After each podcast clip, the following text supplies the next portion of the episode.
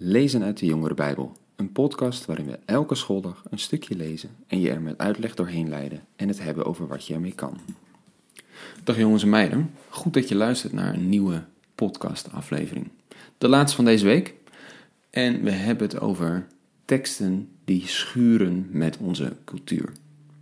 We hebben een aantal teksten over vrouwen gelezen en we zijn nu met de teksten die vrij scherp lijken te spreken over homofilie bezig.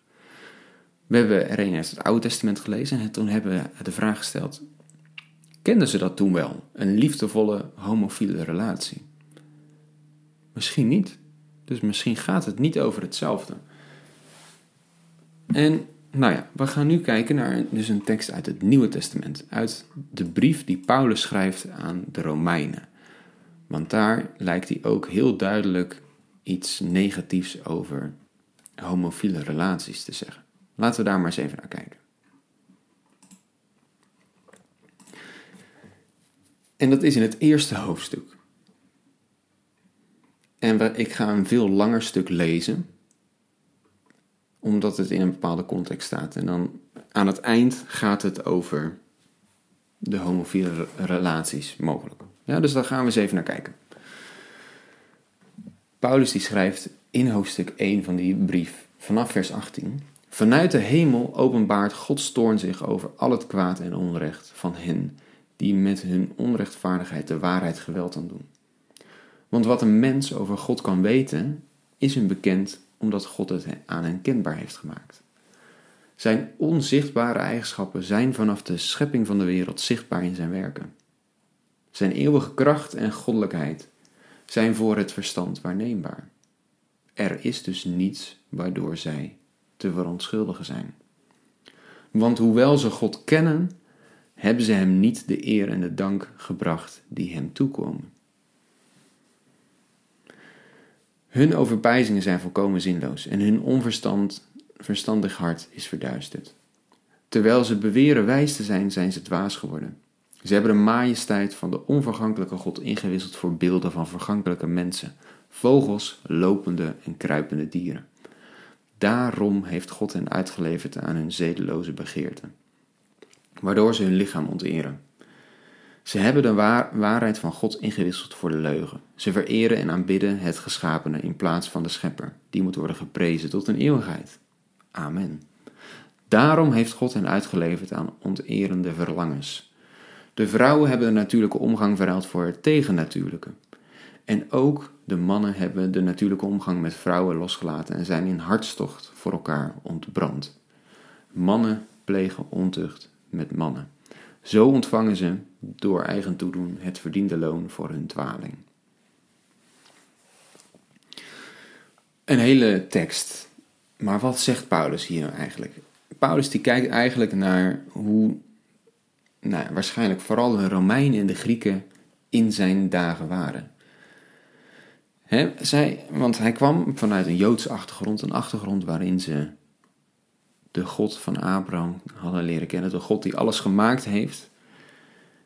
En vanuit die Joodse cultuur keken ze vaker naar de, de culturen om hen heen en zagen hoe zij nou ja, eigenlijk een soort van losgeslagen leefden, omdat ze God niet kenden. En zo'nzelfde soort argument geeft Paulus ook hier. Hij kijkt waarschijnlijk met name dus naar die Grieken en de Romeinen uit zijn tijd. En hij zegt eigenlijk van ja, zij hadden God kunnen ontdekken als zij gewoon simpelweg zouden hebben gekeken naar de natuur om hen heen. Die zit zo bijzonder in elkaar. Je kan dan niet anders dan God daarin zien. Dus zij hadden God kunnen leren kennen. Simpelweg door naar de natuur te kijken. En toch hebben ze dat niet begrepen. Nee, sterker nog, in plaats van dat ze de God achter de schepping erkenden, zijn ze de schepping zelf gaan vereren. Ze hebben dieren tot goden gemaakt. Ze maken godenbeelden van dingen die op dieren of op mensen lijken. In plaats van dat ze de God achter de schepping hebben erkend, hebben ze van de schepping zelf goden gemaakt die ze hebben geëerd. En vervolgens zeiden ze, hoe claimden ze dat ze heel wijs waren. dat ze allerlei dingen hadden uitgedacht. Nou, zeker de Grieken met hun filosofen, die dachten dat ze al heel ver waren en dat zij juist veel slimmer en verder vooruit waren dan alle andere volken en dus ook de Joden. En Paulus die zegt eigenlijk van ja, jullie denken dat je het allemaal hebt uitgevogeld. Maar kijk nou eens, de meest fundamentele waarheid van het leven. Dat er een God is en dat er dus een God is die alles gemaakt heeft, die juist alle, alles in de schepping gemaakt heeft. Daar zijn jullie helemaal niet bij uitgekomen. Zijn jullie nou wel echt zo wijs als jullie beweren? En terwijl ze dus zeiden dat ze wijs waren, hebben ze dus eigenlijk juist God niet erkend. En zijn ze de verkeerde kant op gewandeld. En zijn ze dus ontaard in hun manier van doen. En dan gaat Paulus dus het hebben over iets wat lijkt op een scherpe tekst tegen homofilie. En er staat, daarom heeft God hen uitgeleverd aan onterende verlangens. En daarna gaat hij het dus hebben over zowel vrouwen als mannen die natuurlijke omgang hebben verruild voor het tegennatuurlijke. Interessant. Wat bedoelt Paulus daar? Ehm, zou Paulus het daar hebben over homofiele relaties? Zoals wij die nu kennen. Ook dat is eigenlijk maar zeer de vraag. als wij het nu lezen, met hoe wij naar relaties kijken en wat wij weten wat er mogelijk is ook qua homofiele relaties in onze tijd, dan lezen wij dat hier gelijk in. Maar je moet wel bedenken, in die tijd er kwamen homofiele relaties voor, maar die waren heel anders. Het was namelijk in die tijd vooral zo, eigenlijk alle homofiele relaties die wij kunnen vinden in literatuur, in teksten, in verhalen, waren altijd relaties van met name een oudere man met een, een die een jongere jongen eh, onder zijn hoede neemt, die hem gaat leren wat het betekent om een goed burger te zijn in de Romeinse of Griekse maatschappij. En in ruil daarvoor wil hij een tegenprestatie. En dat is dan vaak dat hij die jongen kan nemen, dat hij die jongen eh, daar seks mee kan hebben.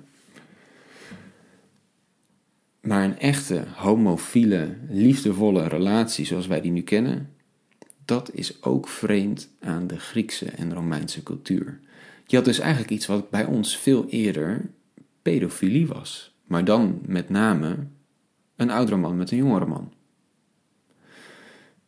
Dus oké, als Paulus het hier heeft over mannen die ontucht plegen met mannen, hij denkt dus niet aan een relatie zoals wij die vandaag de dag kennen. Hij denkt aan wat in zijn cultuur gewoon was: een oude man met een jonge man.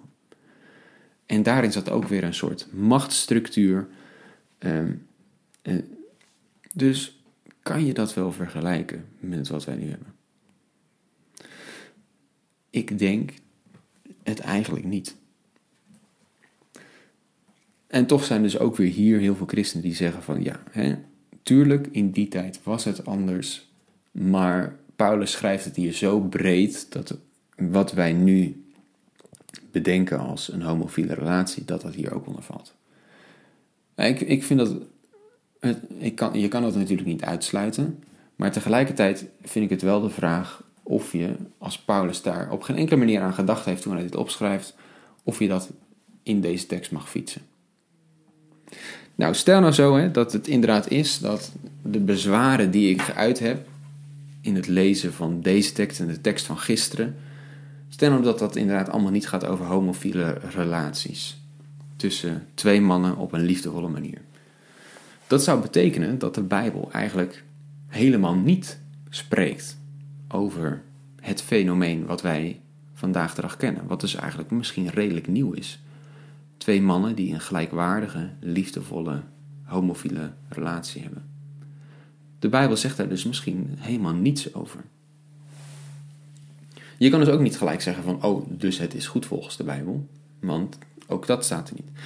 Het is wel degelijk zo eh, maar dat was dus ook gewoon omdat, ze niet, omdat uh, het andere er überhaupt niet bestond.